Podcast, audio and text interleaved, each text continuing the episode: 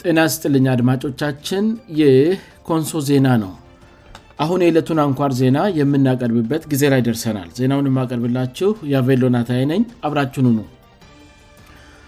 አርስት ዜናዎቹን በማስቀደም የዕለተረቡ ግንቦት 10 ቀን214 ዓ አንኳር ዜናዎችን አሰማለው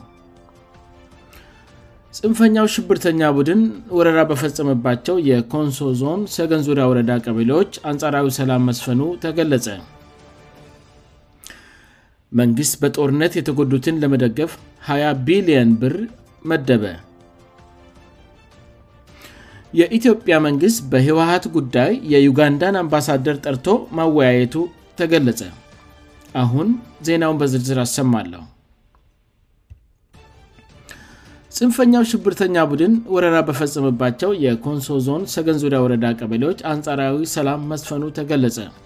ከመጋቢት 21 2014 ዓ ም ጀምሮ ደራሼ ልዩወረዳ ውስጥ በመሸጉና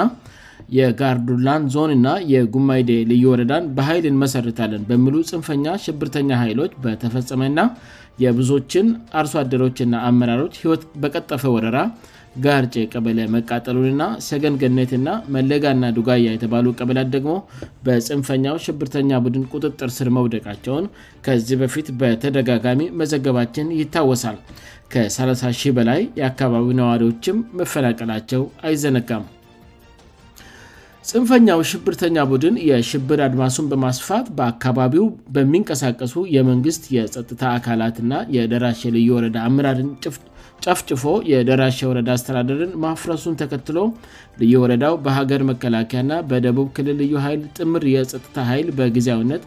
እንድተዳደር መደረጉም ይታወሳል የሀገር መከላከያ ሰራዊት አካባቢው ላይ ባደረጋቸው ፅንፈኛውን ሽብርተኛ ቡድን ተጠያቂ ማድረግ እርምጫዎች ፅንፈኛው ሽብርተኛ ቡድን በኃይል ከተቆጣጠራቸው የኮንሶ ዞን ሰገን ዙሪያ ወረዳ ቀበልያት መልቀቁን ተከትሎ በአካባቢው ላይ አንጻራዊ ሰላም መስፈኑን ና አካባቢው ወደ መረጋጋት በመመለስ ላይ መሆኑን የመረጃ ምንጮቻችን ተናግረዋል የሀገር መከላከያ ሰራዊት ከአካባቢው የጸጥታ ኃይሎች ጋር በመተባበር ፅንፈኛውን ሽብርተኛ ኃይል አካባቢው ካስለቀቀ በኋላ ከወረዳው አመራርና የጸጥታ አካላት ጋር በመሆን ማኅበረሰቡንም ማወያየት መጀመሩ ተገልጿል በዚህም መሰረት ቅዳሜ ግንቦት 6 ቀን ከአዲስ ገበሬ ህዝብ ጋር ውይይት የተደረገ ሲሆን ትናንት ደግሞ ግንቦት ዘጠ ከበቾ ቀበለ የአገር ሽማግሎች ጋር ውይይት ተካሂደዋል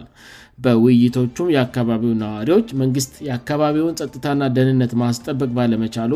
ህሉናቸው አደጋ ላይ መውደቁን መናገራቸው ተገልጿል ፅንፈኞች በከፈቱብን ጥቃት ወንድሞቻችን ሞተዋል ንብረቶቻችን ወድመዋል ስሉ አማረዋል መንግስት የህግ በላይነትንም በአካባቢው ላይ እንዲያሰፍን በአጽኖት ጠይቀዋል ይሁንና ጽንፈኞቹ ለአንድ ወር ከተቆጣጠሯቸው ከመለጋና ዱጓያና ከሰገንግነት ቀበላት የተፈናቀሉ አርሶአደሮች ፅንፈኞቹ እንደ ዋና ምሽግ ሲጠቀሙበት ከነበረው ሀይበና ተብሎ ከሚጠራው የደራሽ ልዩ ወረዳ ቀበለ ጋር የሚዋሰኑ እንደመሆናቸው ተፈናቃዮቹ ከጊዜያዊ መጠለያዎቹ ወጥተው ወደ ቀበሌዎቻቸው መመለስ አልቻሉም የመንግሥት ሰራዊትን ጨፍጭፎ ከባድ መሳሪያ ዘርፎ በየቦታው የተበታተነው ፅንፈኛው ሽብርተኛ ቡድን መሣሪያዎቹን ለመንግሥት ባለመመለሱ የእነዚህ ቀበሎች ነዋሪዎች ወደ ሰፈራቸው ቢመለሱ አሁንም ድንገተኛ ጥቃት ሊፈጸምብን ይችላል የሚል ስጋት አላቸው በሌላ በተያዘ ዜና ከ90 በላይ የመንግሥት ሠራዊትና የደራሽ ልዩ ወረዳ አመራር በጽንፈኛው ሽብርተኛ ቡድን በግፍ መጨፍጨፋቸውን ተከትሎ የሀገል መከራከያ ሰራዊት ወደ አካባቢው ደርሶ ለእርምጃ በተንቀሳቀሰበት ወቅት በሽምግርና ሰበብ የሽብር ቡድኑ ቀንደኛ አመራሮች በሕግ ቁጥጥር ስር እንዳይውሉ ሽፋን የሰጡ አንዳንድ የአካባቢው ሽማግሎች በቁጥጥር ስር መዋላቸው ታውቋል በወቅቱ ከጽንፈኛው ሽብርተኛ ቡድር መሪዎች መካከል አምስት ያይሉ በቁጥጥር ስር መዋላቸው በደቡብ ክልል መንግሥት በኩል እየተገለጸ ቢሆንም አሁንም በቁጥጥር ስር ያልዋሉ ቀንደኛ የቡድኑ መሮዎች አሉ ተብሏል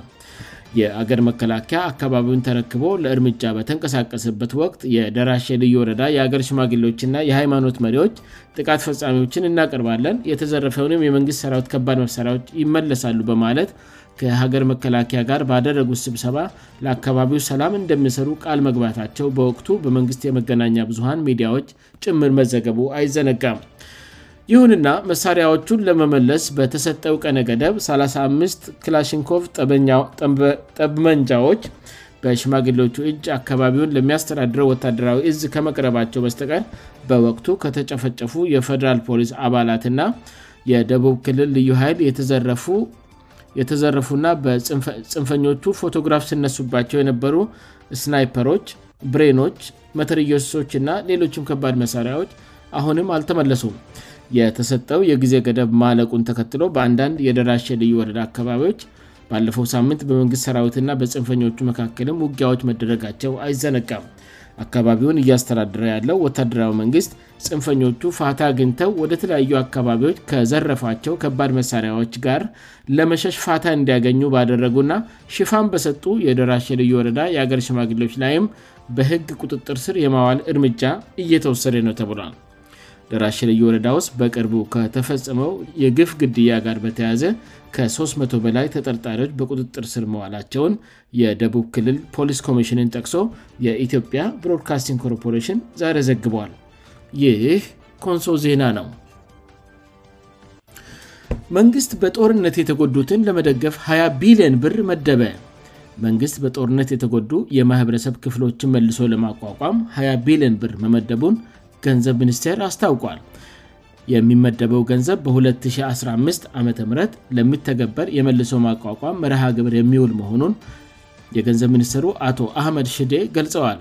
መንግስት በሰሜኑ ጦርነት ለተጎዱ አካባቢዎች ድጋፍ የሚውል ከዚህ ቀደም 5 ቢሊዮን ብር መመደቡ ይታወሳል በጦርነትና በተለያዩ ግጭቶች የተጎዱ አካባቢዎችን ለመደገፍ የገንዘብ ሚኒስቴር ከአለም ባንክ ጋር ባደረገው የእርዳታ ስምምነት ሚኒስትሩ እንደገለጹት ከዚህ በፊት ከተመደበው ገንዘብ በተጨማሪ ለ2015 ዓ ም 20 ቢሊዮን ብር ተመድበዋል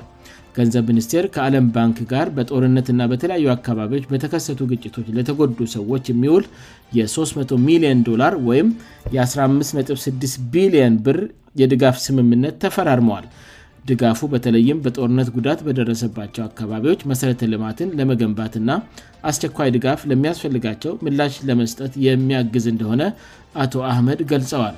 በተጨማሪም ፆታዊ ጥቃቶች የደረስባቸውን የማህበረሰብ ክፍሎች ለመደገፍ አስፈላጊ በሆነበት ጊዜ የተገኘ መሆኑን አክለዋል በዋጋ ንረትእና በኮቪድ እንዲሁም በጦርነት ምክንያት የተጎዳውን ኢኮኖሚ ከመደገፍ አኳያም የአለም ባንክ ያደረገው ድጋፍ አስፈላጊ መሆኑን ገልጸው በቀጣይም ሌሎች የድጋፍ ማዕቀፎች እንደሚኖሩ ጠቁመዋል የአለም ባንክ የኢትዮጵያ የሱዳን የደቡብ ሱዳን ና የኤርትራ ዳይሬክተር ኦስማን ዲዮን በበኩላቸው ድጋፉ በአፋር በአማራ በኦሮሚያ በትግራይ ና በበንሻንጉል ጎምዝ ክልሎች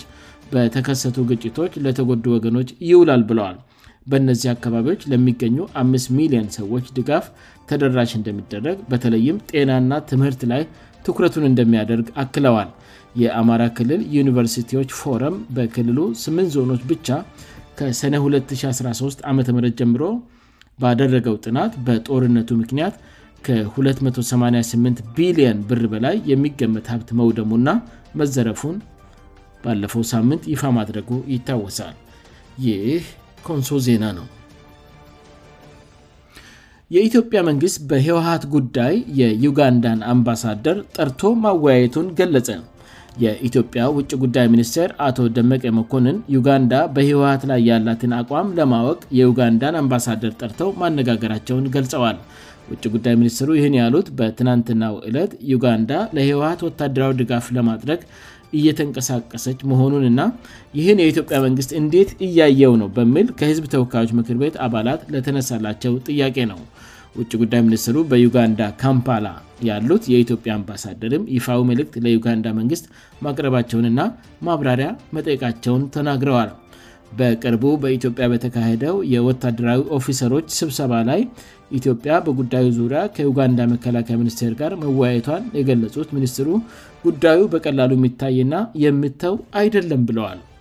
ጉዳዩ በውጭ ጉዳይ ሚኒስቴር በዝርዝር መገምገሙንም ሚኒስትሩ ተናግረዋል አንዳንድ የሚሉት ምንድ ነው ይህ በራሳቸው የሚኖሩና ለራሳቸው የሚጠየቁበት ነው እኛ ይህን አንደግፍም ይላሉ የሚል ምላሽ ማግኘታቸውንም ተናግረዋል ነገር ግን የኢትዮጵያ መንግስት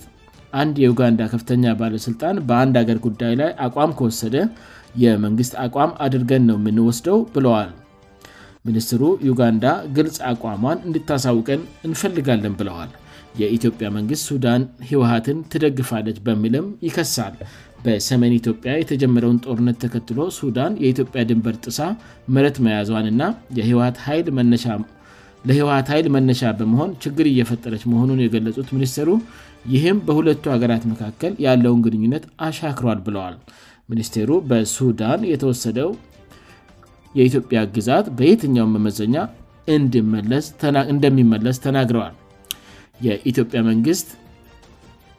የኢትዮጵያ መንግስት ተናጠል ተኩሱ አቁም ካወጀ በኋላ በኢትዮጵያ የተቀሰቀሰው ጦርነት እስካአሁንም ሰላማዊን መፍትሄ አላገኘም አልተቋጨምም በኢትዮጵያ የተጀምረው ጦርነት በሺዎች የሚቆጠሩ እንዲሞቱ እና በሚሊዮኖች የሚቆጠሩ ሰዎች ደግሞ ከቀያቸው እንድፈናቀሉእና ህይወታቸው እንድመሳቀል ማድረጉ ይታወሳል ይህ ኮንሶ ዜና ነው አድማጮቻችን ዜናውን ከማብቃቴ በፊት አርስ ዜናዎችን በድጋሚ አሰማለሁ ጽንፈኛው ሽብርተኛ ቡድን ወረራ በፈጸምባቸው የኮንሶ ዞን ሰገን ዙሪያ ወረዳ ቀበሌዎች አንጻራዊ ሰላም መስፈኑ ተገለጸ መንግስት በጦርነት የተጎዱትን ለመደገፍ 20 ቢሊዮን ብር መደበ የኢትዮጵያ መንግስት በህወሀት ጉዳይ የዩጋንዳን አምባሳደር ጠርቶ ማወያየቱን ገለጸ ዜናው በዚህ ያበቃል አድማጮቻችን የዕለቱ አንኳር ዜናዎቻችን ይህን ይመስሉ ነበር ስላዳመጣቸውን እናመሰግናለን ኮንሶ ዜና በቀጣይም በተመሳሳይ ዝግጅት እንደሚጠብቁት ተስፋ ያደርጋል እስከዚያው